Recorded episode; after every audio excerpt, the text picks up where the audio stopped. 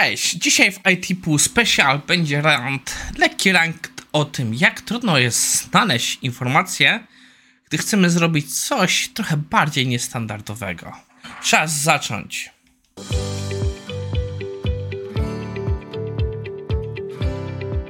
Cześć, nazywam się Maciej Wrodek, a to jest IT Pool Special na 14 marca, kwietnia 2023.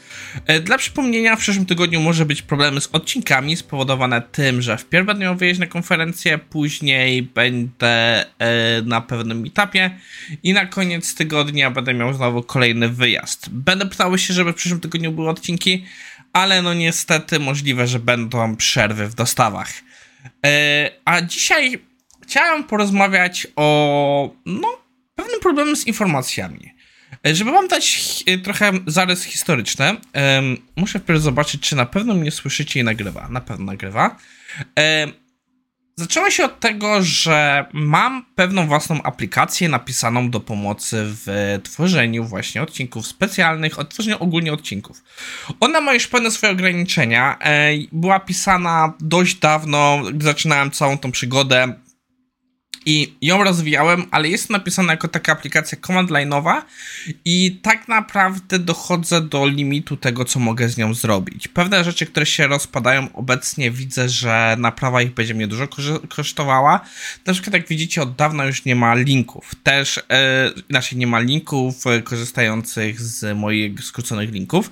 Też widzę, że na przykład YouTube trochę lepiej działa, jak używam oryginalnych linków, a nie redirectów, dlatego też nie wróciłem z tymi redirectami e, i po prostu zacząłem planować jej rozbudowę. Planuję ją przepisać jako nie desktopową aplikację, tylko taką właśnie już bardziej e, webową. Dlaczego myślę o to, że w przyszłości zrobić właśnie także wersję, żebym mógł planować odcinki z telefonu, w sensie przygotować na telefonie materiały pod odcinek i także, żeby odciąć się od zależności, jaką mam obecnie na Google Docach, bo przez to, że Google Doki nie wspierają Markdowna, a raczej po API nie wspierają Markdowna, tworzenie właśnie wkładów do odcinków jest bardzo problematyczne, więc chciałem trochę zmienić sposób, jak ja tym wszystkim zarządzam, bo tu się robi tego tyle, że korzystanie z różnych narzędzi zewnętrznych robi się coraz bardziej problematyczne i myślę trochę, żeby te rzeczy scentralizować, albo przynajmniej zobaczyć, żeby to scentralizować. Co prowadzi oczywiście do tego, że w momencie, jak już mam rozpisane case'y, które bym chciał pokryć, na czym mi zależy, jaką funkcjonalność mam w ramach tego, co dla mnie byłoby, nazwijmy to MVP, co mam jako takie rzeczy, które będzie nice to have, have. Na przykład mam gdzieś nice to have spięcie z e, chat GPT, żeby pomógł mi w generowaniu opisów i tak dalej.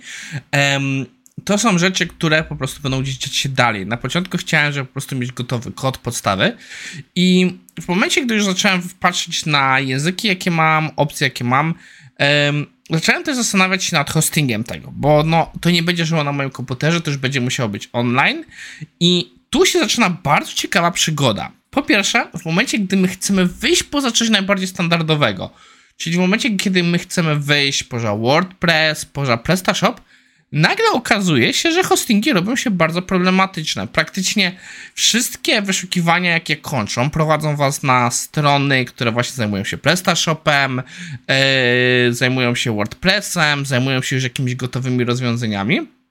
Ale jak chcemy coś takiego bardziej customowego, to jest trochę trudniej.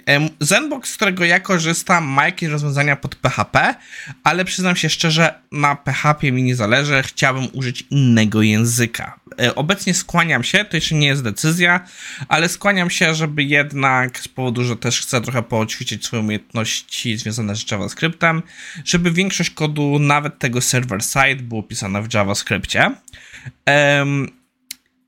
Z tym server-side jeszcze się łamie. Możliwe, że jednak pójdę tam w czymś innym, może zostanę standardowo przy C-Sharpie, ale po prostu chodzi mi o to, że zaczynam już te rzeczy analizować i póki co skłaniam się e, do rozwiązania, żeby postawić wszystko w Dockerze, żeby skorzystać z bazy, którą obecnie mam w Cosmos DB już postawioną w, na Azure i żeby na przykład pójść na rozwiązanie, jako po prostu wystawić to jako Docker. I tu znalezienie hostingu robi się bardzo problematyczne.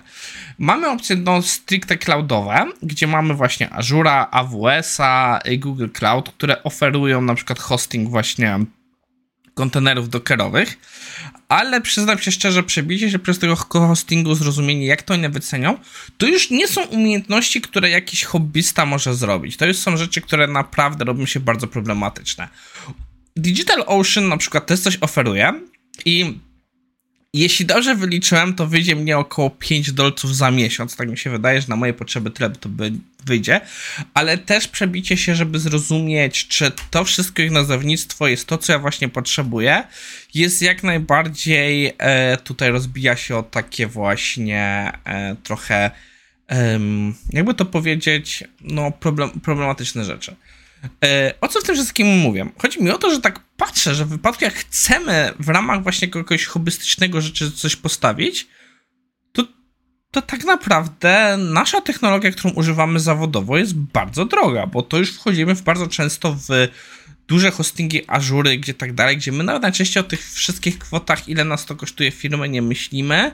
To wszystko idzie gdzieś ponad naszą głową a tak naprawdę takich małych hobbystycznych rzeczy, żeby poćwiczyć, żebyśmy, no my jako deweloperzy i tak dalej mogli, to jest, to jest trudno się w tym odnaleźć. Tak naprawdę już trzeba mieć naprawdę wiedzę specjalistyczną, żeby zrozumieć, jak te wszystkie rzeczy się działa, działają, jak to robi, więc wydaje mi się, że właśnie takie barrier of entry, w momencie, gdy wychodzimy poza to najprostsze składanie z bloków, robi się nagle bardzo wysokie. Nie mamy tutaj takiej właśnie jakby krzywy, krzywy uczenia się, tylko Albo tutaj mamy ha, ha, ha, pobaw się, poskładaj z bloczków, a tutaj masz, masz hamie 10 tysięcy stron dokumentacji do zrozumienia, żebyś mógł coś wybrać sobie opcję, z czego chcesz skorzystać. Trochę mi brakuje osobiście tego właśnie, nazwijmy to middle grounda. Czegoś takiego dla hobbysty, ale który nie jest już kompletnie zielonym, tylko właśnie rozumie te biznesy. E, który rozumie już mniej więcej IT. Może po prostu za mało w tym siedzę jeszcze, bo to mój research tak naprawdę póki co poszło jakieś dwa wieczory, ale póki co tak wygląda. Jestem ciekaw, czy wy próbowaliście takie rzeczy zrobić, jak to wygląda z waszej perspektywy. Um, jeśli chodzi o tą aplikację, jeszcze nie do końca wiem, jak to będzie wyglądało, ale powoli się skłaniam do tego, żeby przynajmniej część pisania tej aplikacji nagrywać w ramach IT Kata, żeby E, wam też udostępnić tutaj właśnie wgląd te rzeczy, takie trochę e, krok po kroku, jak to będę robił. Wiadomo, będę dużo błędów popełniał, bo to nie są rzeczy, które są dla mnie w pełni naturalne, jednak nie jestem stricte deweloperem, więc może to być bardzo ciekawe doświadczenie, bo też będę patrzył na to, żeby pisać unit testy, planować testy integracyjne, robić do testy end-to-endowe, żeby po prostu podejść do tego tak, jakby to był taki bardziej poprawny projekt. Więc może to być też ciekawy eksperyment. Y, nie gwarantuję, że to jeszcze tak będzie wyglądało, bo też nie chcę gwarantować sobie żadnego timeline'u. Po prostu widzę, że żeby rozwijać IT Morning, żeby być w stanie dalej to efektywnie robić, muszę trochę dopracować mój tool, y, toolkit i jeszcze myślę, jak to wszystko rozegrać. Po prostu rozpoznaję opcje, zanim będę się do czegoś komitował. No i tyle z mojej strony. E, mam nadzieję, że Wam się podobało i życzę Wam miłego weekendu.